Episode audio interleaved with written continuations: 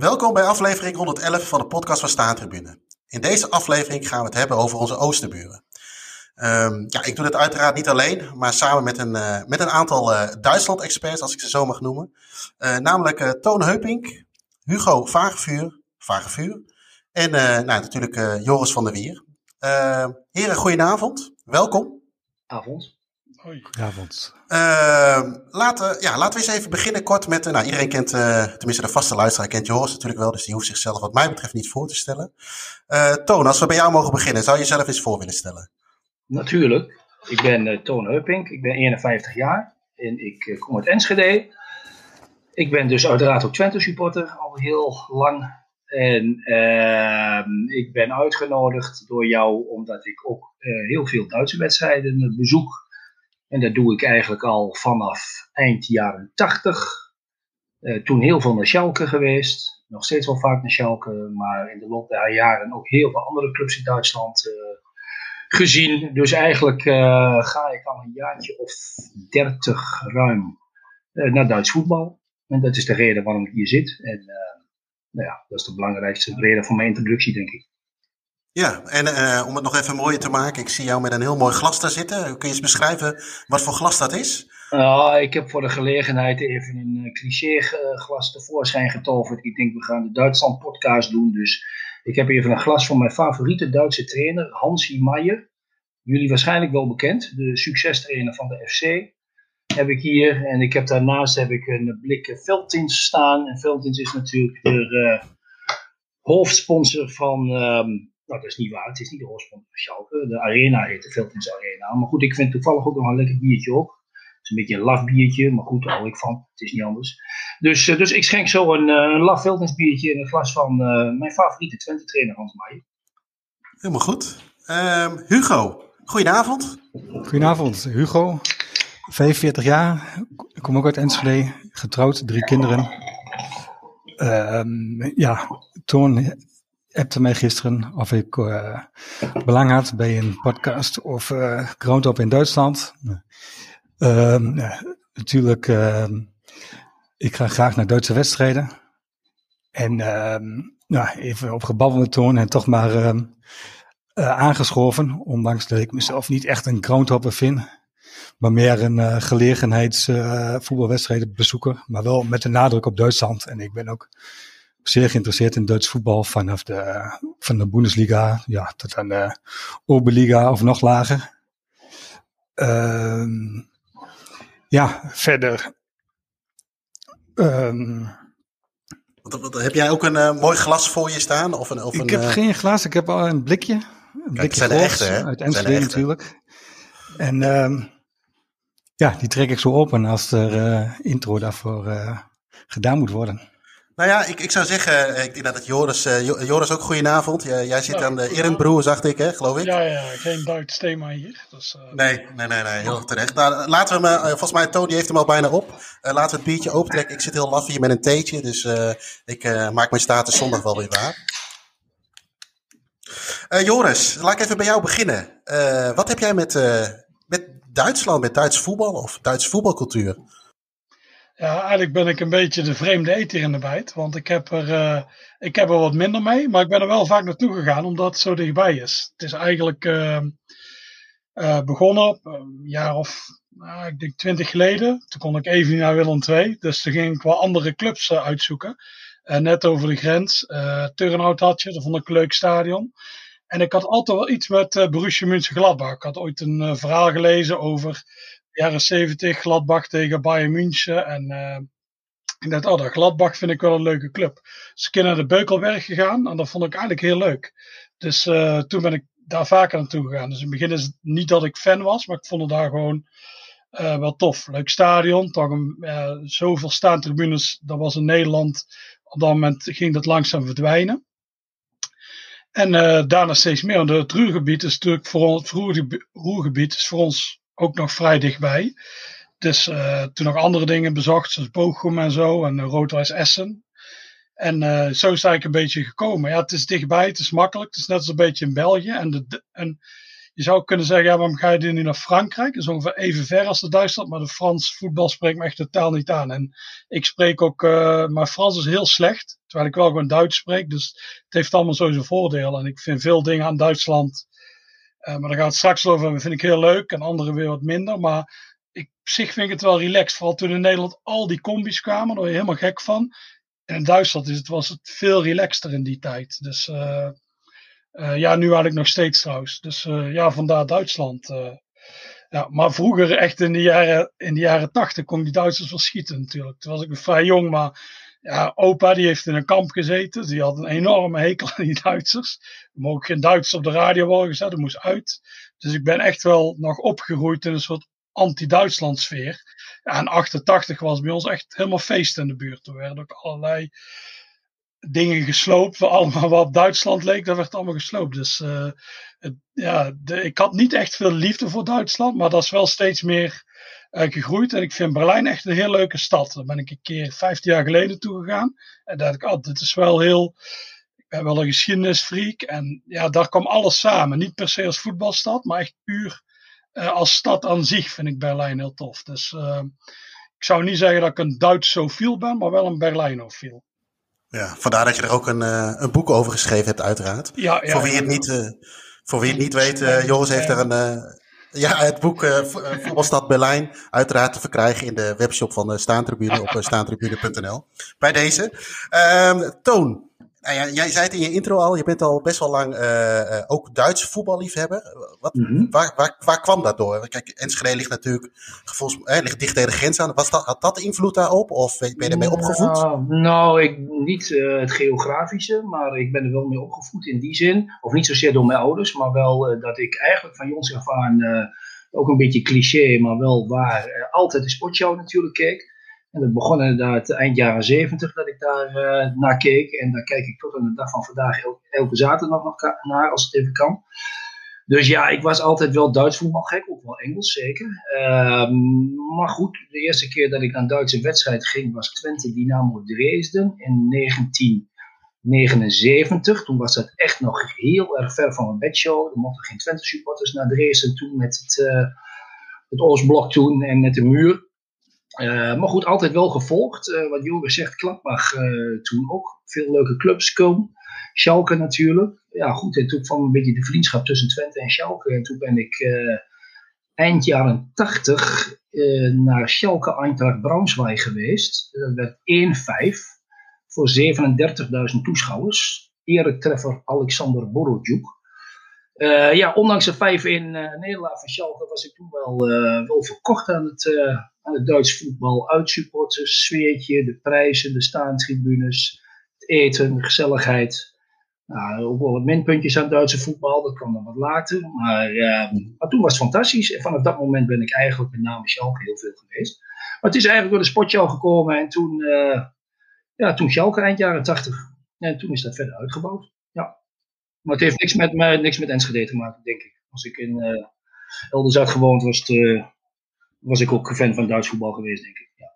Oké. Okay. Uh, Hugo, herken jij dit verhaal van Toon? Ook met sport, die ja, sportshow? Ja, ik en, ken het wel. Ja, ik ben een, iets, een paar jaar jonger als Toon, dus voor mij is het allemaal wat later begonnen. Maar ook met Schalke ben ik daar toen vaak naartoe geweest in de jaren negentig. Ook in het seizoen dat ze de UEFA Cup wonnen, ben ik nagenoeg alle thuiswedstrijden geweest. Vaak uh, apart van toon, maar we kwamen elkaar wel, eens tegen. We kennen elkaar wel uh, vaag. En, uh, ja, en toen de tijd verstreek, zeg maar, ja, kwamen we elkaar iets vaker tegen. En bij FC Twente. En contact gelegd. En in de loop der jaren steeds ook vaker samen naar het Duits voetbal. En nu eigenlijk de, de, laatste jaren, ja, als ik naar Duitsland ga, ga ik 9 van de 10 keer met Toon samen. Ja, het is natuurlijk ook eerst Schalke, omdat het makkelijk is, goed afreisbaar, je kent er de weg. Ja, er was nog niet heel veel internet, dus ja, je, je, je, je werd ook niet echt uh, getriggerd om uh, andere dingen te, te, bezoeken. Tenminste, ik niet. Ik had ook mijn, mijn leventje in Enschede en ik had genoeg andere hobby's. Dus het was gewoon een beetje Schalke. En in de loop der jaren, ja, dan ga je een keer naar Keulen en dan ga je een keer naar Duisburg, ja, zo, zo, zo gaat het balletje een beetje rollen. En heb je alles in de buurt wel gezien en dan ga je eigenlijk steeds lager. Uh, ja, tot aan de laatste jaren, ja, je ook gewoon naar uh, Oberliga spelen gaat. Omdat het toevallig een leuke tegenstander is of in een leuk stadion gespeeld wordt. Uh, en omdat, ja, wij kijken ook wel echt vaak naar een avond speelronde op een doordeweekse dag omdat het thuis allemaal wat makkelijker in te plannen is. Ja, ik heb drie kinderen. Mijn vrouw die, die, uh, die uh, werkt in de zorg. Ik werk zelf nog wel eens een keer op zaterdag. Dus die weekenden die worden al vrij uh, lastig voor mij. En als een potje ja. op een vrijdagavond, een maandagavond, woensdagavond, donderdagavond. Allemaal wat makkelijker om te organiseren.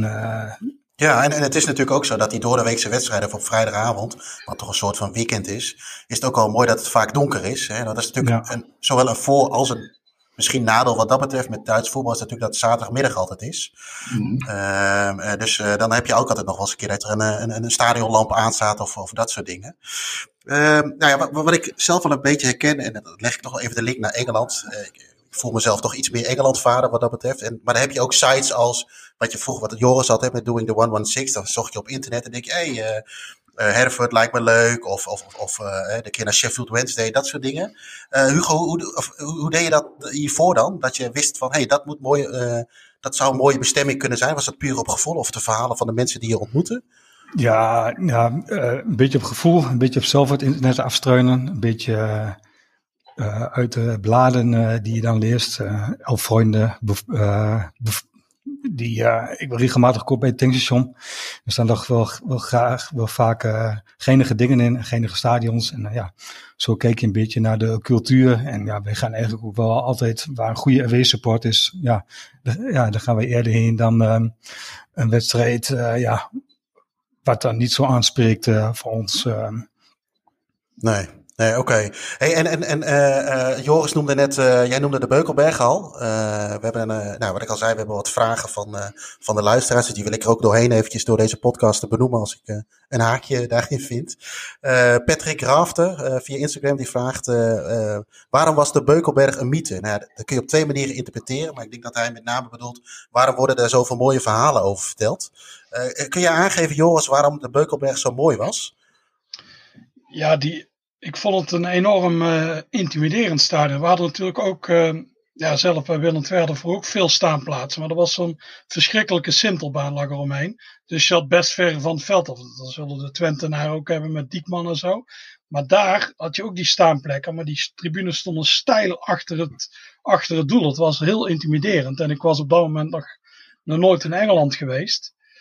Het is uh, eigenlijk uh, zo'n grote stadions, waar je echt zo pal op het veld zat, dat was ik nog helemaal niet gewend. Dat, dat, dat maakt wel mooi. En ik ben dan vaak naar gewoon een beetje random wedstrijden geweest. Wel, uh, wat Hugo zei, koos wel de clubs die je dan kende, tegen wie ze speelden. Dus een beetje als HSV of dat soort clubs. Dus, en toen vond ik het al goed. Maar als je wel eens die verhalen hoort van de Europese avonden daar in de jaren 70, ja, dat moet helemaal geweldig zijn geweest ja, 70, 80 dat het al helemaal vol zat. Uh, kunstlicht aan en dan allemaal dat Duitse geschreeuw. Ik denk, uh, ja, dat moet, dat moet echt wel mooi zijn geweest. Dus ik snap wel, als je nu dat stadion ziet, ja, dat is gewoon een saaie bak. Dat heel veel supporters terugverlangen naar dat, dat stadion. Al uiteindelijk kon het natuurlijk niet meer commerciële mogelijkheden, bla bla bla, die staanplakken en zo.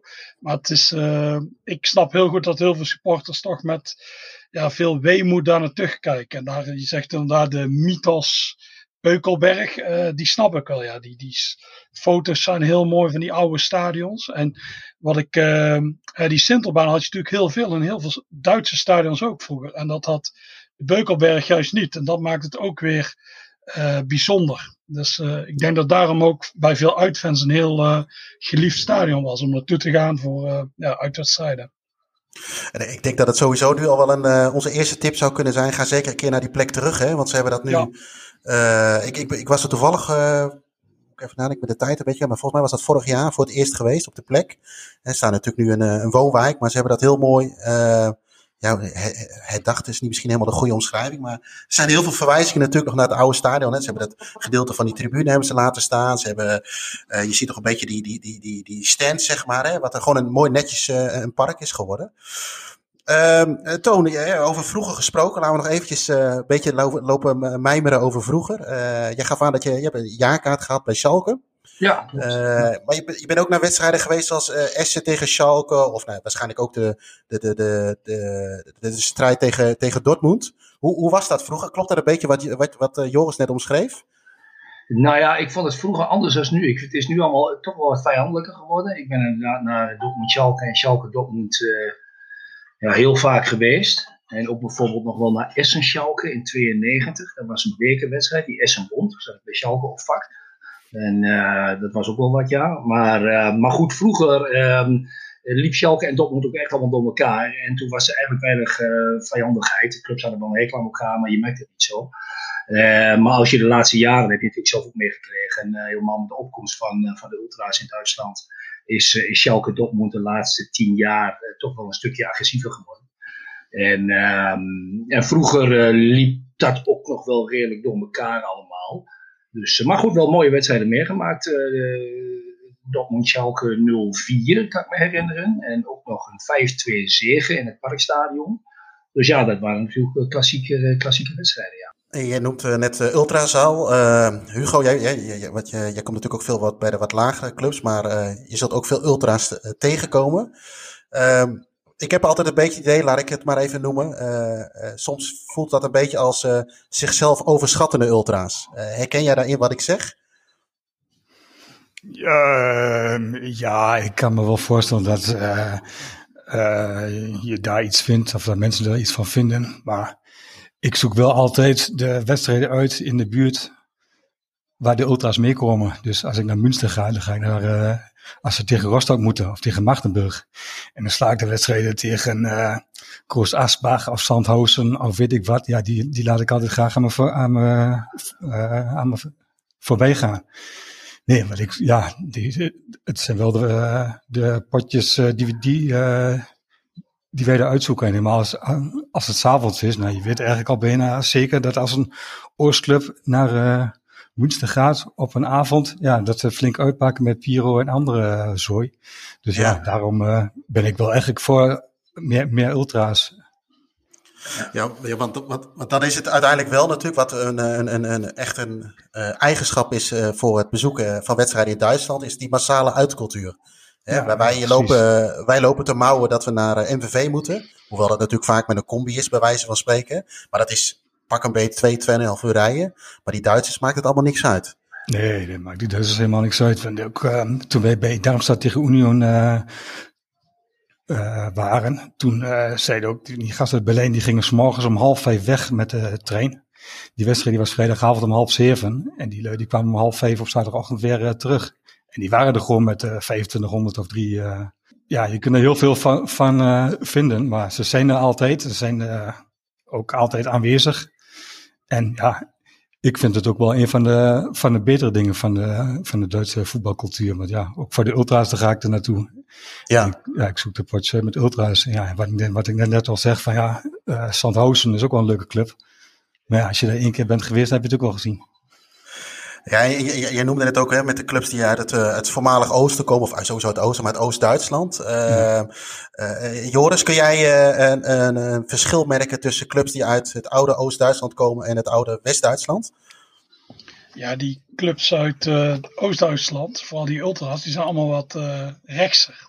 In West-Duitsland, het is allemaal heel politiek in Duitsland. Dat voetbal, bij de meeste clubs in ieder geval. En uh, waar je in het oude West-Duitsland heb je altijd die vlaggen, die homo-vlaggen en zo. Voor uh, anti-homofobie. Dan is het, maar in het, in het oosten is het juist net andersom. Daar is het allemaal wat, uh, ja, wat traditioneler, laten we zeggen. Ja, je merkt, je, je merkt het wel, ja. Het is, het is het, eigenlijk, het, ze hebben allebei ultras, die allebei ook nog hetzelfde doen, dan massaal en zo. Maar ik vind ja. de politieke stromingen, dat vind ik eigenlijk het grootste verschil tussen die twee. Tonen, heb jij, herken jij dat, wat Joris zegt? Ja, dat herken ik zeker. Want uh, ja, ik vind dat eigenlijk wel jammer, moet ik zeggen. Ik vind dat, uh, dat voetbal en politiek moet eigenlijk los van elkaar staan. En of nou links of rechts is. Uh, ja, ik denk dan altijd, je zult rechts zijn en bijvoorbeeld St. Pauli-fan zijn. Dat kan toch? Nou, dan heb je bijna geen leven meer. Um, voetbal is voetbal en politiek moet, moet gescheiden blijven. Ik, de laatste wedstrijd die ik zag dit jaar was Victoria Hildesheim.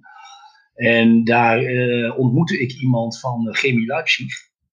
En die gast die, uh, die was blijkbaar rechts. Maar Chemie Leipzig is ook een hele linkse club geworden de laatste jaren. En die zegt, ik heb altijd een jaarkaart gehad, maar ik voel me er gewoon niet meer welkom. En dat is toch jammer. Ik vind dat politiek en voetbal moet, moet gescheiden zijn. In Nederland is dat gelukkig ook zo. Maar dat vind ik wel een minpuntje aan Duitsland. Dat, dat clubs gewoon heel erg links of rechts zijn.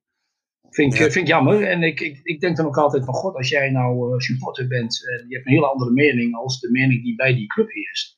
Dus nu ook. Nu ben ik een beetje, um, een beetje tennis Borussia aan het volgen in Berlijn. Daar las ik een leuk stuk over in uh, Joris een boek toevallig.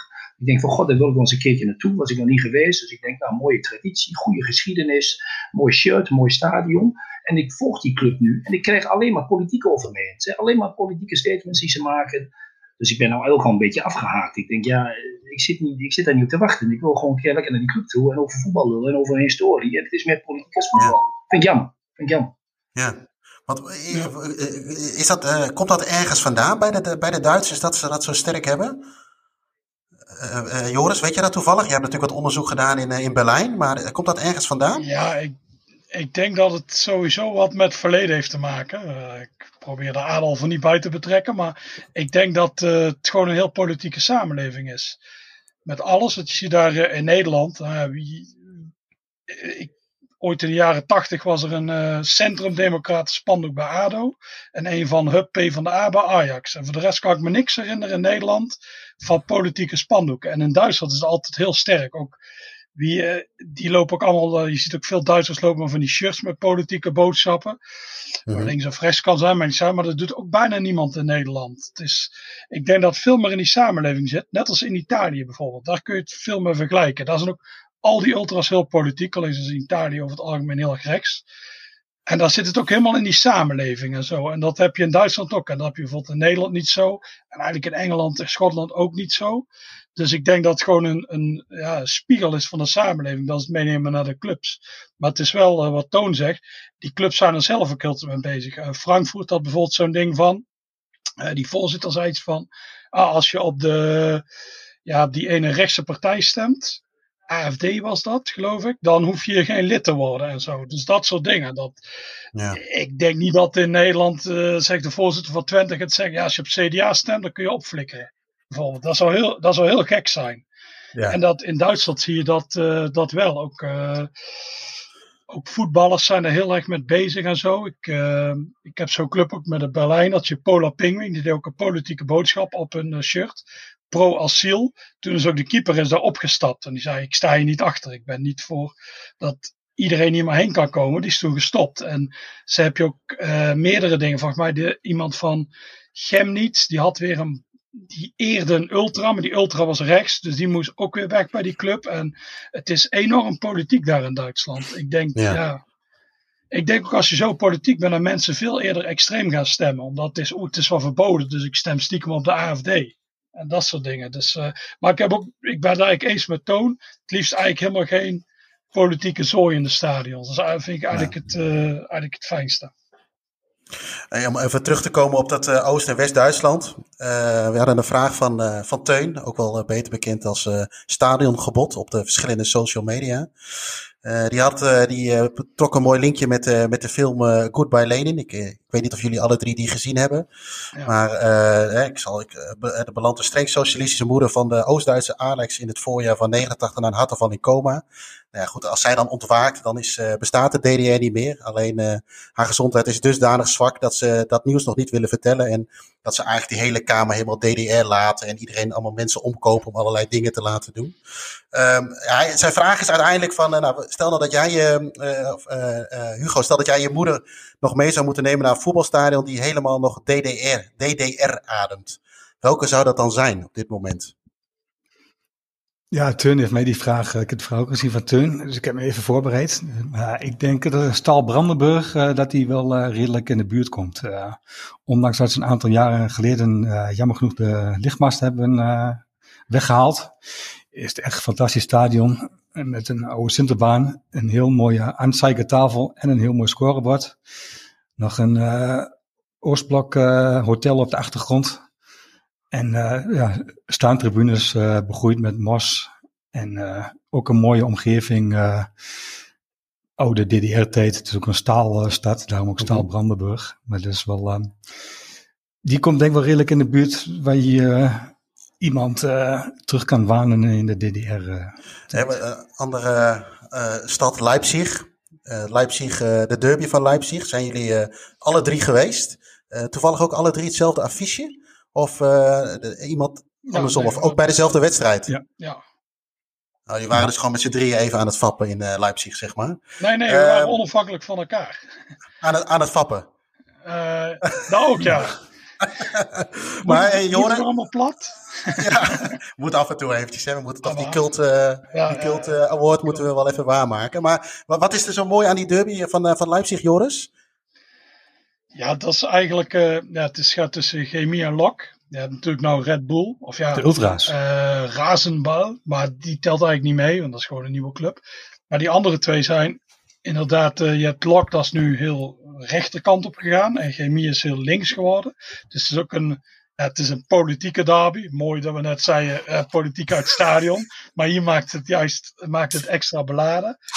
En ja, het zijn allebei heel oude stadions. En het is gewoon, ja, je merkt gewoon heel veel, ja, wrijving, haat bijna tussen die clubs. En uh, inderdaad, het is, voor Hugo was het fapperij, want het was één grote ultramanifestatie. Ik was er naartoe gegaan met de afbeelding. En die ging bijna over zijn nek. Die zei uh, na een uur van ik kan het niet meer aanzien. Die ultras vond hij verschrikkelijk. Hij zei ik val bijna in slaap. Zo voorspelbaar. Maar ja, ik zag op een gegeven moment de waterkanon het veld op. Dus ik vond het allemaal wel mooi. Ik hou wel een beetje van uh, heel veel randvermaak. En ze flikkerden allemaal van die fakkels in elkaars vakken. Dus ja, dus dat vond ik wel mooi. Die wedstrijd was volgens mij helemaal niks. Het was, iets, het was 0-0, maar volgens mij gebeurde er ook niks.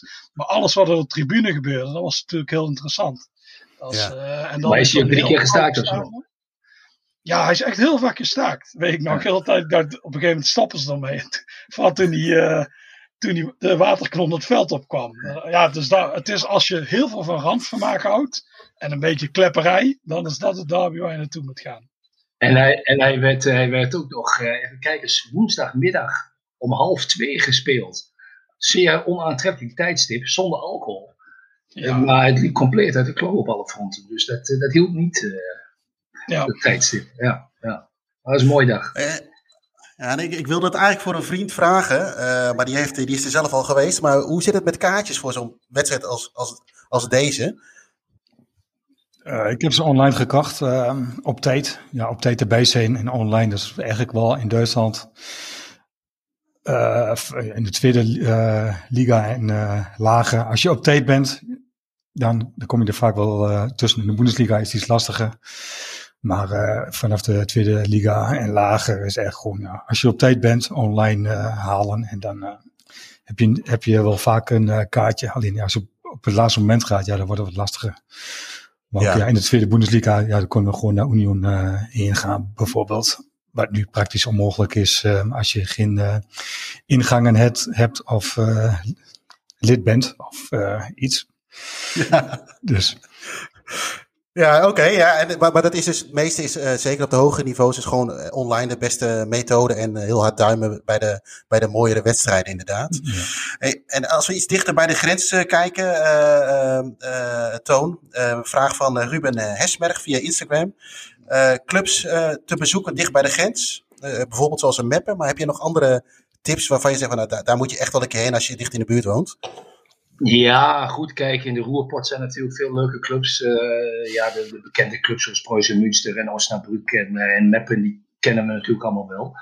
Maar wat ik wel leuk vind, vroeger zou ik dat niet zo snel doen, maar ik zie me nu vaak ook wel terug bij de vierde, vijfde divisie. Dat is toch wel leuk dat ik dacht. Zo'n Altona bijvoorbeeld, is niet helemaal dichtbij, is een buitenwijk in Hamburg. Zijn we nou twee of drie keer geweest. Ja, dat vond ik echt heel leuk. En uh, mooi oud stadion, een bijzondere support. Um, ik ben niet mee geweest, maar Hugo is nog naar Arminia Nova geweest. Was die ook heel positief over. Um, ja, wij zijn nog in Remscheid geweest afgelopen jaar. Het stelt helemaal geen zak voor, maar hadden wel een leuk stadion en dat was, uh, was ook wel geinig. Dus ja, je hebt er zoveel in de, uh, in de buurt, maar die mij snel bijblijven is toch wel wat ik het leukst vond van de laatste jaren. Is um, toch wel Altona en want Hugo, die ene club ook alweer, waar we uh, ook een paar keer zijn geweest, ook zo laag vliegen. Help me even, uh, waar jij uh, die voorzitter, divisievoorzitter nog kent. Atlas Delmanos. Oh ja, Atlas Delmanos. Ja, hoe kan ik die dan vergeten? Ja, het ligt vlak bij Bremen, maar ook een absolute aanrader. Atlas Delmenhorst. Mooi stadion, rauwe support. Er zitten een paar duizend man op een laag niveau, maar fanatiek. Dat was, uh, was ook leuk, ja. Dus Delmenhorst en, uh, en Altona bij deze. En, en hoe vond je... Links en rechts. Hoe, ja, ook dat ja. Ja, ja, je komt er niet aan. Ja. De politiek toch stiekem wel Ja. leuk. eh. Weer, hè? Weer. Ja. Eh, maar ik, ik hoor jou niet eh, praten over Kleven, Toon. Dat Ja, Klever, toch wel jammer. ik, heb, ik heb in mijn hele vinkcarrière twee teleurstellingen gehad en dan was er één van. Dus eh nee, dat was een slechte tip, eh Wiwi. Ja. Hey, en en ja, misschien voor ons gesneden koek. Woepetalen, Stadion Amzo. Ja, ja, vergeet ik net. ja. Dat is ook, Ja, ja, dat is ook een vraag van eh, Rick Vos. eh, Ja. Die was eh, benieuwd eh, wat wij ervan vonden. Maar dat is denk ik wel een van de dingen die je wel een keer gezien moet hebben, toch? ja, ja. Top. Ja. Wat, Ja. wat, wat, eh, Joris, wat maakt, het, eh, wat, wat maakt Woepetalen zo mooi? Ja, je hebt natuurlijk, het zal wel een cliché zijn voor sommigen, maar je hebt die eh Zwebebaan. Een soort tram die dan ja, die, die door de lucht gaat. Die komt ook vlak langs het stadion. Dat is nog ooit, als een stunt hebben ze ooit een keer een olifant in die Zwebebaan gedaan. Maar de beest raakte in paniek en die viel zo de woeper in. Het, heeft het wel overleefd, de olifant. Dus eh, die Zwebebaan die heeft heel veel eh, verleden. Volgens mij is het ook al 100 jaar oud. Ja, het stadion eh, heeft een heel mooie ja, voorkant, façade. Het is het stadion Amzo, de dierentuin ligt er vlakbij, dat is heel mooi. Je hebt die, ik, ben niet, ik ben niet meer geweest sinds de laatste verbouwing. Ze hebben volgens mij een paar jaar geleden weer alles verbouwd. Ah, veel staanplaatsen en zo. Ja, het is niet een enorm populaire club. Dus ik zou gaan als ze tegen een derby spelen, tegen Essen of zoiets. Of Aken, ik weet niet of die nu bij elkaar zitten. Maar een eh, goede derby zoeken, niet tegen zo'n tweede elftal. Zit ook nog redelijk vol. Dus eh, ja, dat is wel, dat is, ja, die stad is wel leuk. Daar is dat. Ja, het stadion is leuk en zo. En als je echt wilde, was zo'n maat van mij, die was naar eh Boepertaal tegen Essen geweest. Die liep toen een bos in en dan was toen klepperij eh, bezig. Vooral dat ze van tevoren hadden afgesproken. Dat is ook altijd leuk als je daar zin in hebt. Dus eh, Ja. ja, nee, je Woepertaal is wel, ja, dat is gewoon leuk en ook makkelijk te bereiken en zo. En eh, ja, ik vind zelf mijn favoriet nu in Duitsland, dat is Essen. Al sinds het, eigenlijk het oude stadion, daar vind ik, daar heeft ook iets rauws. En eh, zelfs nu het verbouwd is, vind ik het eigenlijk eh, nog heel leuk. Ik was vorig jaar nog een keer in Nederland. Eh, of ja, 2020 jaar was het inderdaad. Of nee, 2019 zelfs. Tijd gaat zo snel. Tegen Aken, dat was ook weer een heel leuk iets. Dus, eh, maar ook weer een politieke club. Alleen die zitten weer voor een West-Duitse club meer aan de rechtse kant. Ik was met uh, Keurs, die was mee. Ja, mijn vriendin is ook een voetbalfan. En die ging naar zijn groepje toe om te drinken. Waren allemaal neonazies. Dus dat, ik zei, kom, we lopen wel door. Dus, uh, dat is ook wel een uh, interessante club. Maar uh, ja, die vind ik ook wel iets hebben. Qua support. Hebt wel die ultras, maar ze reageren ook op het veld, zag ik vaak. En dat mis ik vaak in Duitsland. Denk ik zo, het is spannend, je club staat onder druk. Waarom heb je geen emotie? En, maar daar hadden ze wel emotie. Dus dat vond ik wel, uh, dat vond ik wel aardig daar. Dus uh, ja. Essen als stad is nou niet echt top. Alleen je moet wel... Heeft Willy Lippens daar nog steeds die kroeg? Ja, ja zeker. Ah, Chavez Willy. Ja, dat is ook toch wel naartoe te gaan. Ja. Uh, de Eend, uh, weggepest bij Nederland zelf door ja. Ajaxide en uh, Feyenoorders, met name Rinus Israël. Omdat hij ja. natuurlijk ja. ja. half Duitser was. En, uh, maar Duitsers zijn nog altijd, als uh, de eend had meegedaan, waren jullie in 1974 wereldkampioen geworden. Dat, dat zit hem nog dwars. Ja, dat zit hem dwars, ja, ja. Net zoals Jan van Bever, werden allemaal ja. weggepest door die kliek daar. Dus ja. En wij zijn een keer... Geen wereldkampioen geworden dankzij die gasten. Wij zijn een keer voor een wedstrijd tegen Van Essen zijn we daar wezen eten. En we hebben een goede schnitzel gegeten, een Chavez Willy. Uh, maar toen kwam Willy Liepens erg ongevraagd bij ons aan de tafel. En die deed zijn hele relatie, vroeg wat wij dat deden. Ik zei, nou, we gaan een potje voetbal kijken. En toen begon hij zijn hele relatie, dat is nog niet lang geleden, over, over de ellende bij Nederland zelftal. En, en verhalen met een zuurbier, die kreeg dat van langs. Zit hem echt nog tot hier. En s'avonds heb ik al die docu's teruggekeken, omdat ik een beetje ja, geïmponeerd was door zijn verhaal. En uh, de hele historie van de Enter is even tot me genomen. Maar uh, ja, het was leuk om daar uh, voor een wedstrijd te zitten. En uh, met die man even ja. te praten. Ja, bijzonder verhaal. Ja. En, waar zit het restaurant? Of waar zit die... Op de weg van Gladberg naar Essen zit hij aan de linkerkant. En dan moet je eigenlijk een soort bospaadje in. Uitkijken voor klepperij.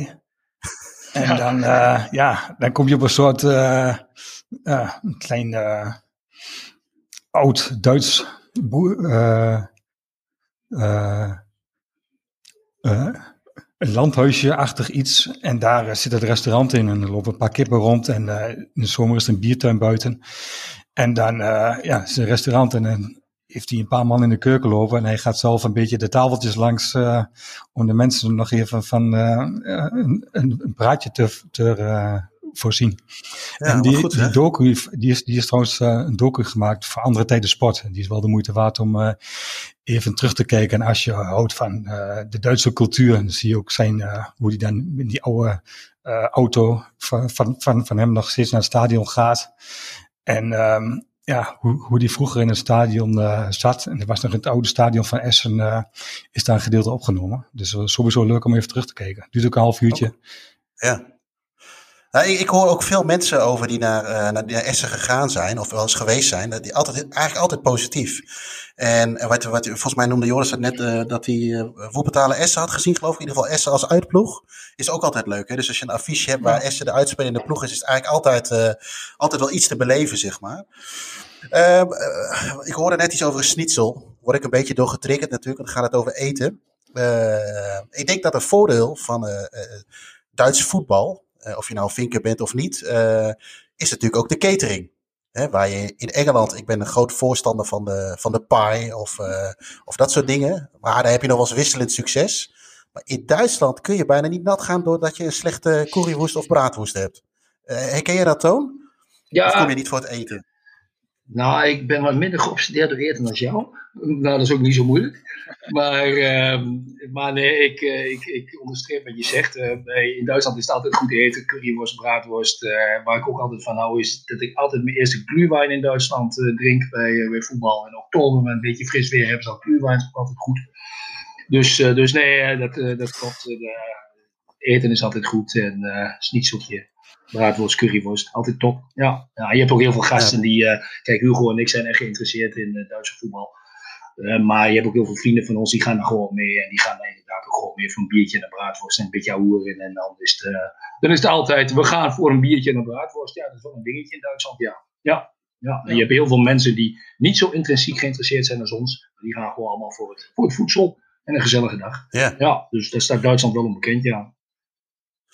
Ja, want, want als je. Uh, nu missen we natuurlijk een beetje dat we ergens heen kunnen om bijvoorbeeld dat biertje en die, uh, en die braadwoest of die currywoest te pakken. Wat we nog deden natuurlijk was, toen we nog wel naar buiten mochten, maar er geen voetbal was, is natuurlijk dat je Los Crowns kon gaan bezoeken. Hugo, jij hebt een soort roerpot voetbalcultuur cultuur tour, tour gedaan. Zo, dat is even een, uh, een lastig woord. Uh, kun, kun, je iets meer over vertellen, wat dat, uh, wat precies in, inhield? Ja, natuurlijk in de loop van de jaren kom je allerlei dingen tegen op internet en andere forums. En ja, dan zie je stadions waar of uh, helemaal niet meer in wordt gevoetbald, of nog zelden uh, een wedstrijdje wordt gespeeld, of waar de club op zo'n laag niveau speelt. Ja, dat je er eigenlijk nooit uh, naar toe gaat. Omdat als er een keer aantrekkelijke, tegenstander is in een of andere bekertoernooi, dat, dat je net weer niet kunt. Ja, en ja, die heb ik allemaal wel ergens in mijn achterhoofd. Ja, toen kwam corona dus, en toen was er eigenlijk de mogelijkheid om toch een keer naar Marl te gaan, uh, naar Erkenschwick, naar uh, Reiter SV, naar uh, het Grenslandstadion in Mönchengladbach. Duren had ik ook al heel lang op mijn lijstje staan om een keer heen te gaan. En ja, het is ook vaak op zaterdag of zondag. Ja, ik ben heel zaterdag of zondag kwijt.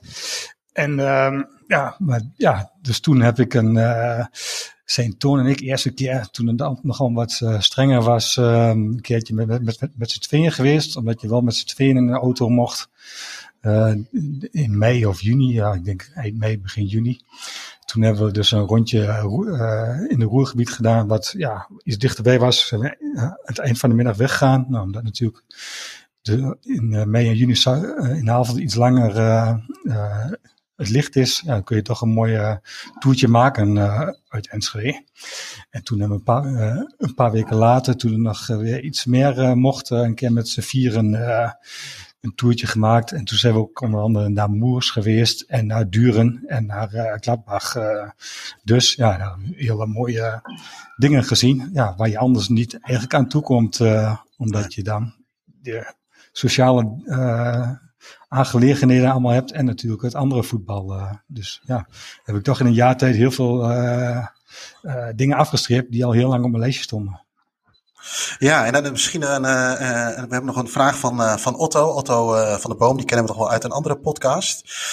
zijn vraag is niet helemaal wat ik nu ga vragen, maar hij vraagt eigenlijk welk gesloopt stadion had je nog graag willen, willen vinken, Toon, aan jou. niet zozeer het gesloopte stadion, maar van de Lost Ground. Wel, welk stadion had jij mooi gevonden als je daar nog een pot voetbal zou kunnen kijken?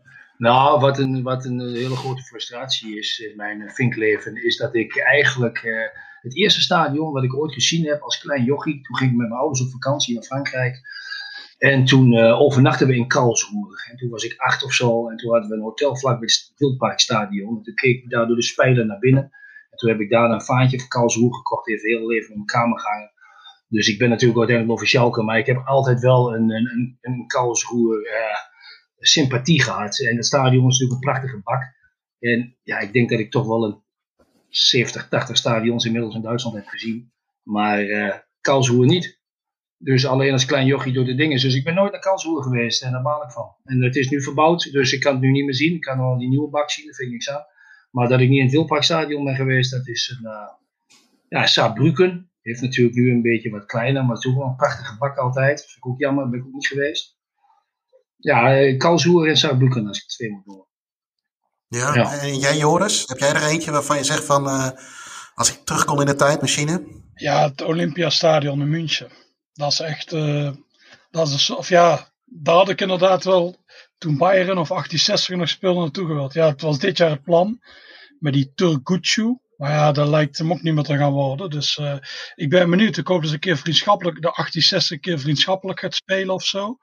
Dan, dan zou ik er nog graag eens uh, naartoe gaan. Dat is natuurlijk heilige grond. Ik ben wel eens in het stadion geweest. Ik heb op het veld gelopen. Toen was het net grasdruk. Ik ben er afgeflikkerd ook meteen. Maar ik moest al die plek staan waar Van Basten stond.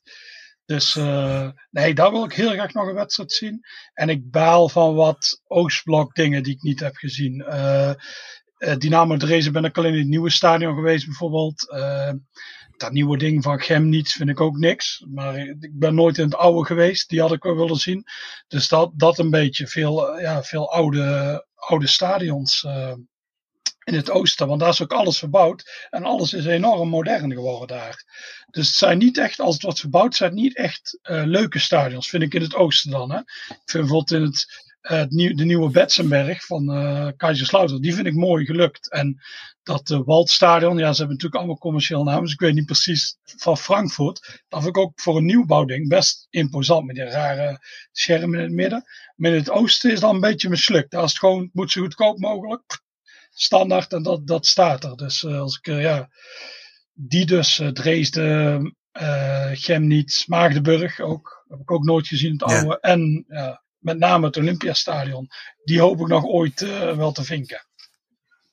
En, en als je nu, uh, nou ja, je noemt het Olympi Olympiastadion, maar als je nu nog een stadion zou willen zien die uh, bijvoorbeeld binnenkort afgebroken gaat worden of verbouwd gaat worden.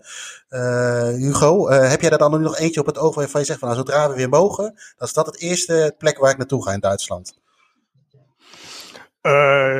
ja, um,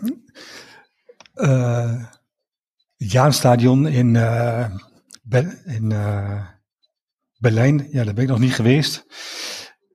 Ja, daar zou ik wel heel graag uh, zo snel mogelijk naartoe gaan. Ook omdat die volgend jaar wordt verbouwd. Ja, en voor de rest, ja, volgens mij het meeste staat er nog wel één of twee jaar. Kans als Jena. Jena, ja, die gaat er ook af. Ja, daar zijn we denk ik al te laat voor. Ja, ze zijn al dus, bezig. Die wilde ik ja, ook dit ik seizoen er vorig jaar naartoe gaan. Ja. Alleen op het laatste moment afgezegd, omdat ik een beetje druk had op het werk. Maar ik denk achteraf van ja, ik had gewoon uh, uh, heen moeten gaan. Vrijdagavond in uh, november ergens. Ja, dus toen op het laatste moment afgezegd. Ja, en, toen, en nu is het te laat. Ja. Zo is leven. Ja, Ja, zo is Ja, het ja, leven. ja, het zou een hele fantastische afsluiter zijn, maar dat gaan we nog niet doen. Eh, eh, eh, wij, ik zit hier tegen drie vinkers aan te kijken, of groundhoppers, of voetbal, ook voetballiefhebbers. Eh, maar de Duitsers zijn dat natuurlijk zelf ook. Duitsers zijn ook vinkers. Ehm, volgens mij, eh, om, om over dat onderwerp even aan te snijden, kan ik het beste eerst even beginnen bij Joris, denk ik. Duitse vinkers. Zijn die grappig of is het een beetje sneu? Ah, Al, het dat is- een vraag van Luc trouwens via Twitter. Ja, iemand gaf een goed antwoord. Het is eigenlijk allebei. De eerste keer kwam ik eens tegen bij Willem II, ik denk eind jaren negentig. zaten van die Duitsers achter ons en die waren continu aan het lullen over aantallen en zo. Ik dacht, wat zijn dit rare gasten? Ik kende Groundhopper nog niet echt. En, uh, maar daarna, je komt ze overal tegen. En dat is, ze hebben allemaal die rare regels. Ze hadden die rare bond opgericht. De Duitse Bundesgroundhoppers. Daar mocht je dan bij als je duizend stadions had gezien. Maar het moest ook dertig verschillende lenderpunten. En je mocht alleen maar lid worden als iemand anders je voordroeg. Dus een beetje zoals je hebt nu die app Clubhouse. en daar kun, je, daar kun je ook alleen maar, ja, als een invite, daar kun je komen. Daar ook. En dan word je uitgenodigd. En daarna gaan al die al bestaande gasten die lid zijn van die bond gaan stemmen.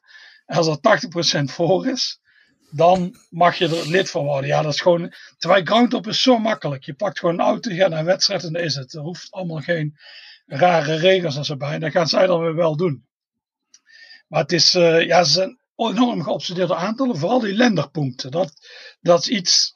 De eerste keer dat ik dacht ik, wij hebben die gasten het over. Maar het is heel belangrijk. Je hebt ook die Footballogy app. Kijk maar eens wie daar bovenin staan. Met aantallen landen. Dat alleen maar Duitsers. Qua aantallen clubs en zo, daar zie je ook allemaal Engelsen zo ertussen. Maar landen, dat is puur iets van Duitsers. Die moeten al die, daar is dan extra punten of zo. En ja, dat is, dat is heel, heel apart, uh, apart wereldje zijn die Duitse vinkers. al die landen, daar valt natuurlijk toch wel te herleiden, toch? Naar een soort van expansiedrift of zo? Ja, is dat ja, makkelijk dat is, gedacht? Uh, dat is wel makkelijk. Ja, Adolf deed ook al. Hè. Die had ook veel lenderpunten.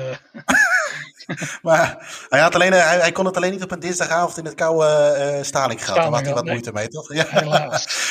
ja en, en, ze hebben ook, hè, dat heb je me ook wel eens verteld, om toch nog een beetje daarover te, door te praten. Ze hebben ook een paar van die, van die rare trekjes. Hè. Wij zijn er toen uh, van het zomer een paar tegengekomen in de trein in, in Tsjechië. Ze moeten programmaboekjes hebben. ze moeten... Uh, na, na, ze moeten minimaal 20 minuten gezien hebben of zo. Wat, wat zijn dat allemaal voor regels die zij verzinnen? Nee, een half, een half iets. Je hebt ook de halbzeithopper. En wat, het gaat om aantallen. Hè? Dus dan gaan ze ergens naartoe en dan kunnen ze vijf, zes punten halen. Of wedstrijden in de dag, omdat ze overal maar halve wedstrijden zien. Maar het gekste was, ik was een keer in Kosovo. Dus ik helemaal in the middle of nowhere. Ik zie daar een gast in een Schotland shirt. Dus ik sprak hem aan, zei, ben jij Schot? Nee, dat was een Duitser. En die was bezig om binnen een jaar alle 55 UEFA-landen te doen. Dus ik zei ze tegen hem, dat was een, dat was een kleine club. Ik zei, hey, morgen is de derby van uh, Gilan, zei ik. Dat is een heel groot, dat is een grootste wedstrijd voor Kosovo. Uh, hij zei, nee, nee, nee, hij had geen interesse, want hij moest de naar Macedonië, want dan kon hij daar weer een punt pakken. Dus ik dacht, dus die pakte alleen maar saaie wedstrijden, terwijl je zo'n toffe derby kunt zien, maar daar ging het hem niet om. Dus de Duitsers nee, dit is toch echt een, echt een andere wereld. Wat, ja, dat, dat is wel grappig zoiets, maar het is ook, het, ik vind het heel lastig om me daarin te verplaatsen, want die aantallen van mij. Ik vond het leuk om die 92 te doen hoor, in Engeland. Maar ik heb niks met volle liga's of dat soort dingen. En zeker niet met Nee. dit. Als ik een heel toffe wedstrijd kan zien, dan laat ik die niet schieten. Omdat ik dan. Ja, hij ging ervoor ook naar zo'n heel kleine wedstrijd in Macedonië. Die werd dan wel in een groot stadion gespeeld. Dan zat hij daar met duizend man in een stadion waar 60.000 in konden. Dan denk ik, ja, dat is toch iets, eh, dat is toch iets heel bijzonders. En, eh, Ja, en, en, en over punten gesproken. eh, jij vertelde me in Tsjechië ook iets nieuws over eh, eh, als zij een wedstrijd op een nebenplaats hebben, maar ook tegenwoordig op gravelvelden. Hè, dat ze daar ook een bepaalde fetish voor hebben. Hugo, wat heeft het überhaupt eigenlijk voor zin om op gravelvelden te voetballen? Dat, dat kom je nog wel eens tegen in Duitsland, toch? Ja, volgens mij is het gewoon de voorloper van het kunstgras. Het is. En ehm, het kost weinig. Ja. En eh werd, werd vroeger natuurlijk heel, veel, heel, veel, heel, wat, heel wat meer nog uh, auf Asje gevoetbald, uh, zoals dat mooi heet in Duits. Alleen ja, dat sterft steeds, meer uit. En in Duitsland, ja, krijg je ook uh, uh, steeds meer kunstgras. Maar het is volgens mij gewoon een voorloper van uh, het, het kunstgras, omdat het onmootsarm is en uh, heel erg weinig kost. Daar, daar, daarom zijn die gravelvelden er nog steeds hier en daar. En omdat het waarschijnlijk steeds meer gaat verdwijnen, is dat ook weer een bepaalde, krijgt dat ja, ook weer een bepaalde ja, waarde waarschijnlijk. wel. Ja. Hey, en als we even kijken naar... gehoord, uh, nee? Dus nee, dat iemand alleen maar uh, uh, wil uh, vinken of, of dat soort fratsen, ja. Nee, zeg mij niet heel veel. Het, het, mooie is ook altijd wel dat je ze eigenlijk, ja, weet je, je kunt Nederlanders natuurlijk herkennen in het buitenland. Hè? Dat is eh, al vrij makkelijk. We hebben ook wel redelijk harde en luide, luide stem. Maar, die, die Duitsers die pikken natuurlijk overal eh, wel tussenuit, zeker bij de, bij de voetbal. Ehm, eh, en, en, er was daar overigens een vraag van, van de tribuneklanten die, over dat, over dat, over dat gravel. derde Bundesliga. Bad BartDV94 via Instagram. Ehm, wat zijn, Toon, wat zijn echt aanraders vanuit eh, de derde Bundesliga als je zou mogen kiezen? Of als je een keer een dagje zou willen doen? Is Lubeck gepromoveerd naar de derde liga? Ja, hè? Ja. Ja, hè? Ja. Nou, dan Lubeck. Ja, wat maakt Lubeck zo mooi? Mooie stad. Of interessant. Prachtige stad. Prachtig stadion. Hebt nog twee andere grounds in de stad die dan ook uh, direct uh, even meer, meer kan pakken. Ja, ja maar Lubeck is, heeft eigenlijk alles. Heeft een prachtig oud stadion, het is een mooie stad. Er zijn een paar uh, goede kantine, een paar goede, goede knijpers in de buurt. Dus Lubeck hoor je niemand over. Je hoort iedereen over die cliché-stadions die we allemaal al, iedereen al gevinkt hebben, heeft. Maar Lubeck hoor je weinig mensen over, maar is wat mij betreft echt een, een onontdekt stadion en stad. Maar het is een beetje ver karren natuurlijk. Helemaal uh, als je in het zuiden van Nederland woont. Vanuit Groningen zal het misschien ja. nog meer van. Maar, uh, maar goed, dan, dan zeg ik denk ik direct aan Lubak, ja. ja. Ja, en voor de rest, ja, de Oostclubs zijn natuurlijk altijd goed qua sfeer. Maar wat jullie net ook al zeggen, qua stadion uh, valt het allemaal wel tegen in het oosten. Maar qua sfeer is natuurlijk het oosten en de derde divisie altijd goed. Dus ja. ja. En uh, ik heb wel eens gezien dat ze daar uh, hele mooie kabouters hebben in de fanshop. Dus jij staat bij mij ook zeker ah, op, de, okay, op de ja, lijst. Ja, ja, dus uh, krijg ik een keer van iemand, iemand toegestuurd. Ja. Ehm, Joris, een vraag van Ron Koppens. als je de keuze zou hebben, vrijwillig in een uitvak gaan staan en mee moeten doen met de ultra's. Of op het thuisvak zitten rond de middenlijn, zodat je alles kunt zien. Wat zou je kiezen? Dan zit ik daar liever op de middenlijn. In, dan kan ik een beetje die gasten in de gaten houden en zo. En dat zie je inderdaad zo'n uitvak.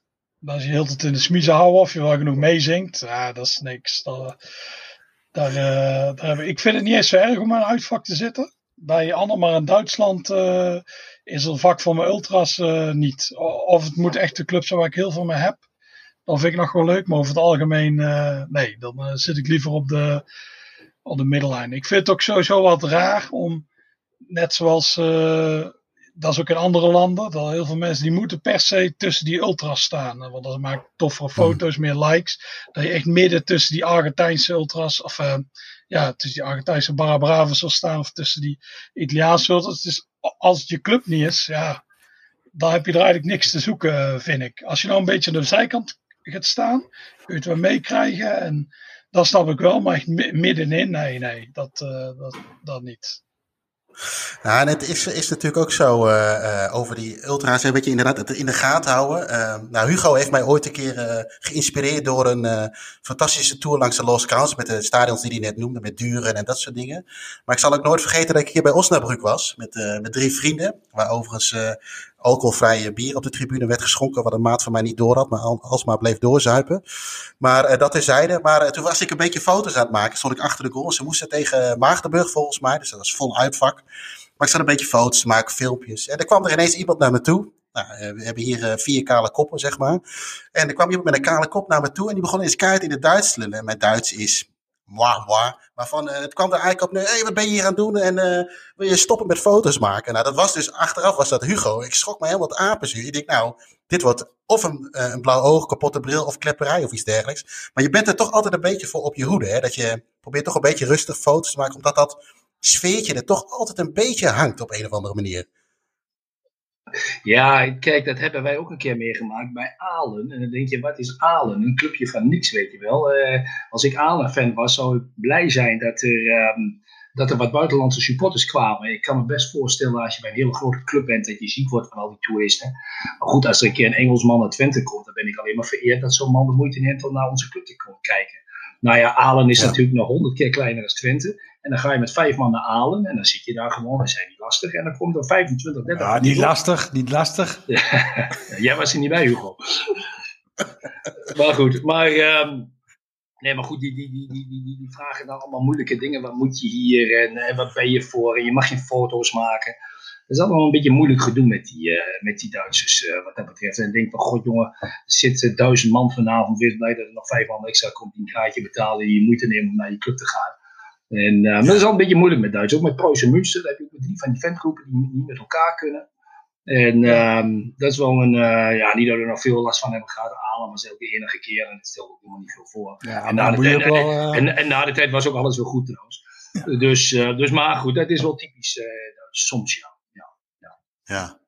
Wat, wat, wat wou je zeggen, Hugo? Ja, ik heb er eigenlijk nooit echt heel veel pro problemen mee of mee gehad. Ik, maar toen in Aalen wel, ik was de Bob, dus ik kan het natuurlijk van iets andere kant uh, belichten.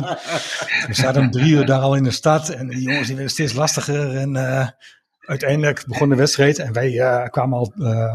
We, de wedstrijd die, die, die, die, die, Opbouw die is al begonnen. En dan komen wij eraan. Ik met vier anderen dus. En die een beetje hangen, een beetje schreeuwen, een beetje foto's maken direct. Ja, ja dan, dan trek je een beetje aandacht en dan moet je wel even een praatje houden uh, uh, om je eromruit te praten en toch nog in de groep worden opgenomen. Maar uiteindelijk, ja, dan ga je daar als laatste weg en je krijgt sjaaltjes mee en weet ik wat allemaal. Je moet de volgende keer weer terugkomen en uh, ja, telefoonnummers die worden nog uitgewisseld. Dus uiteindelijk de grootste vrienden. Toch, toch een beetje profileren hoor ik hier. Ja, dat klinkt als uh, Feyenoorders hier. Even naar iets, iets anders. Uh, uh, we hebben laatst een podcast gehouden, over uh, ja, wat je ook in de coronatijd nu zou kunnen doen door bijvoorbeeld in Nederland voetbalmonumenten op te zoeken. of, of andere dingen. heeft Duitsland dat ook? We hadden het net over de Beukelberg. ik kan me, dat zal waarschijnlijk nu niet open zijn, maar Dortmund heeft volgens mij het Nationale Voetbalmuseum. Ben ik zelf overigens nog nooit geweest. maar zijn er nog andere dingen, voetbalmonumenten waar je naartoe moet of naartoe kunt gaan. Uh, weet je dat, Joris, toevallig? Oh. Ja, je hebt die Noord-Rijn-Westfalen-route. Dat zijn allemaal van die bordjes door heel, uh, door de provincie. Die kun je doen. Dus uh, dan ben je wel. ik vraag me zelfs af of je dat zelfs in een dag kunt doen. Dus dan kun je al die clubs bezoeken. Daar staat een verhaal bij over die clubs en zo. Ja, je hebt het ook in Berlijn, alleen dat is natuurlijk veel verder weg. Dus daar rij je nu, nu niet zomaar naartoe. Maar daar kun je gewoon, uh, ja, gewoon rondrijden en uh, dingen bezoeken. Ik weet niet of, of je op dit moment. Mogen jullie de grens over op dit moment? Jij wou nog wat zeggen, Hugo, net. Uh, dacht ik over voetbalmonumenten in Duitsland. In Dortmund, daar, daar is ook het uh, Heuspark. Daar is uh, uh, de, de Weisse Wiese heet dat. En daar is Borussia ooit begonnen met uh, het voetballen. En daar in de buurt staat ook het oprichtingshuis van, uh, van uh, Borussia. En ja, dat is wel leuk om even doorheen te lopen. En in het park, daar is inderdaad nog een gedeelte van tribunes. Die zijn daar nog helemaal okay. intact, zeg maar. Er is een, een honkbalclub. En nog een andere hockeyveld of zoiets. Maar, maar, maar, maar wel met uh, elementen van de oude tribunes. Uh, dus dat is wel leuk om daar ook even doorheen uh, ja. te gaan. Als je te gaan en, en qua toon weet jij misschien, je kunt dingen bezoeken, maar zijn er ook bijvoorbeeld dingen, films of documentaires of boeken over Duits voetbal, die jij wellicht misschien in bezit hebt of gelezen hebt of gezien hebt, die je echt een keer zou moeten zien? Jij noemde dat van Willy Lippens net, dat lijkt me wel een mooie, mooie tip, maar zijn er nog andere? Ja, was een goede tip. Ja, nou, puur toevallig heb ik hier dit nu voor me. Dat is grote boek in Deutschen. Dat is grote boek der stadions. Dat heeft, even kijken, 400 grote pagina's. Groot formaat ook nog. Ja, dat is wel de, de stadion-encyclopedie van, uh, van Duitsland. Dus daar put ik altijd uit als ik naar Duitsland ga. Daar staat eigenlijk alles in. Dus dat is, uh, dat is een beetje mijn Duitse voetbalbijbel. En in Engeland heb je natuurlijk heel veel van die boeken, hè, die ken je allemaal, van die, van die grounds in Engeland, van worden gefotografeerd. Er zijn er heel veel van, maar dit is volgens mij eh, het uh, leidende Duitse stadionboek. En dat, dat neem ik altijd af, dat bekijk ik altijd even als ik ergens naartoe ga. Dus, ja. En ik heb ook wel de kleinere dingetjes over Duits voetbal qua boeken. En, maar dit is wel een beetje de stadionbijbel. Ja, staat alles in. Oké, oké. Uh, nog even een paar vragen van luisteraars. Uh, zou ik nog even graag willen behandelen. Uh, Dave via Instagram. Waldorf Mannheim, is dat een aanrader? Ja. Ja. in Mannheim heb je ook nog, uh, naast is nog een stadion waar VFR uh, speelt. Dus 100 meter, dus heb je twee stadions in één. En je hebt ook nog het Sepp Herberger stadion, daar speelt de tweede. En dat is ook een leuk stadion, dat is wel iets uit de buurt, maar is zeker een aanrader. En uh, ja, uh, is een mooie club, fanatieke aanhang. En in de buurt is ook nog genoeg, uh, denk aan, aan Darmstadt, Ludwighaven, Worms. Dat zit allemaal daar in de buurt. Dus je hebt genoeg op de heenweg of terugweg om nog even een kopje koffie te drinken en nog even naar een ander stadion te kijken. En Ludwighaven is helemaal een aanrader. Als je daar nog niet geweest bent en je bent in de buurt, dan zou ik echt even van de snelweg afgaan. Oké, okay, en uh, Joris, jij hebt uh, volgens mij, uh, hoe heet die club, daar ergens vlakbij München of zo, in dat paas, waar jij nog graag een keer naartoe wil? Au of zo, zeg ik dat goed? Oh, Auwe, maar dat is in, ja? dat is in Oost-Duitsland. Oost-Duitsland. Oh, in Oost-Duitsland zelfs. Ja. Wat, wat, maakt dat zo mooi? Ik, ik, ken, ik weet ja. alleen dat Ajax er een keer tegen gespeeld heeft in de Europa Cup. Ja, ik ben nu eigenlijk, daar ben ik ook te laat voor. Dat was een heel mooi stadion, dat is nu een lelijke bak geworden. Alleen lichtmassen staan nog, maar dat ligt midden in dat gebergte daar, de Erzgebirgte. Daar ligt er mooi. Het is eigenlijk maar een heel klein stadje, maar ze presteren enorm goed. Op een gegeven moment heeft ook, ze deed het zo goed, ze werden een paar keer kampioen van Oost-Duitsland. Dus heeft uh, de overheid besloten om die club gewoon op, te verplaatsen naar uh, destijds Karl Marxstad, dat is nu uh, Chemnitz zodat daar de betere club kwam. Alleen dat oude, dat is toch weer opgeklommen. Dat speelt nu weer op het uh, tweede niveau. Echt heel bijzonder voor zo'n kleine stad. En um, uh, die club die staat heel bekend, stadionvoerster ook. Ze hebben schijnbaar heel goede noedels daar te koop. Dat is een beetje, in oh. uh, Engeland gaat dat over Kidderminster. En in Duitsland gaat het heel veel over oude, over die noedels met kaas en zo. Dus dat is leuk. redelijk fanatieke aanhang. En uh, het mooiste is als je daar rond uh, kerst bent. Want dan doen ze iets, daar worden allemaal, daar vlakbij, daar worden allemaal kerstdingen gemaakt. Van die, van die houten poppetjes en zo. En er is ook een soort optocht met uh, rondom al dat kerstgebeuren. En de wedstrijd voordat het kerst is, de laatste thuiswedstrijd, hebben ze daar ook altijd een tifo met als thema dat, dat, dat kerstdorp. Dus uh, nee, dat is ook een. Dus daar wil ik heel graag naartoe. En ik ben natuurlijk fan van Paars. Maar. Uh, ja. Uh, alleen helaas te laat weer. Die stadions die worden op een gegeven moment. Shit, die worden, gooien ze plat en dan ben je gewoon te laat. Dat is nu met Jena. Eén tribune is nu weg. Ja, je kunt er misschien nog naartoe ooit. Maar je ziet het niet meer in volle glorie. Maar ja, dat is. ja, dat is jammer. Maar dit, daar wil ik nog heel graag een keer naartoe, ja. Oké. Okay. En en, en om, om even een laatste rondje te maken, want volgens mij kunnen we nog wel een tijdje door, uh, doorlullen over wat er wel en niet mooi is. Maar uh, Toon, Hugo, uh, een laatste tip voor de luisteraars. Toon, mag ik bij jou beginnen? Laatste tip, willekeurig, een stadion bezoeken of een monument? Of wat zou je de luisteraars nog mee kunnen of willen geven? Ja, we hebben al een paar tips gegeven in de loop van, het, van de uitzending natuurlijk. Dus we moeten eens even denken wat voor een geheimtip er nog meer is. Um, er nog meer geweest, Hugo, wat leuk was. Help je me eens even. Altena hebben we al gehad, Delmenhorst, uh, Lübeck, um, Babelsberg. Ja? Babelsberg, ja, ja, Babelsberg, grappig. Ja, ook wel weer een politieke club. Ja, het is niet alles lekker links. Ja, ik wist het wel maar zeggen. Nou ja, goed, doe maar. Maar goed, het ligt er mooi in Potsdam, vlak tegen Berlijn aan. Oh ja. Uh, dus, uh, dus ja, fanatieke support. Uh, mooi stadion, oldschool. Dus Babelsberg vond ik leuk. Uh, ik ben onlangs, dan gaan we weer naar rechts toe, naar BFC uh, eh, Dynamo geweest. In Berlijn. Dat vond ik ook wel geinig, moet ik zeggen. Ja. En Union is een beetje cliché natuurlijk. Dat iedereen uh, vindt Union nu in één keer leuk. Maar ik moet ook zeggen, ik ben twee keer bij Union Berlin geweest, ook tegen St. Pauli. Dus dat was, uh, ja, dat vind ik toch ook nog wel voor degenen die daar nog niet zijn geweest, voor zover het nog mogelijk is met kaarten, uh, dat blijft ook wel een tip, vind ik. Ja. Maar um, maar goed, dus, uh, dus tips genoeg nog hebben we uh, ja. te. Bij Union hebben ze natuurlijk uh, heerlijke broodjes, uh, kampsteak. Ja, dus dat is een goede catering. En Hugo, heb jij als laatste nog een... Ja, als je een keer naar Hamburg gaat of Bremen, stop dan even in Vechta. Daar staat het uh, Reiterwaldstadion. En dat is echt de moeite waard om even de snelweg af te gaan. En dan ben je misschien een kwartiertje later in Bremen of in Hamburg. Maar dat is echt de moeite waard. Als de podcast erop staat, dan kan ik er wel even een fotootje van posten. Oké, helemaal goed. Maar mocht je een keer die, die kant op gaan, dan zou ik echt in Vechta even stoppen en even een kopje koffie drinken en even een rondje door het stadion heen lopen. En als je nou, toch naar Berlijn gaat een keer, ja, stop dan bij Staal Brandenburg, al eerder over gehad. Maar daar vlak naast staat ook een, een uh, uh, hotel. En als je toch overnachting zoekt, zou ik daar stoppen. En dan met uitzicht op het stadion. Dan word je s'morgens uh, heerlijk wakker. Oké.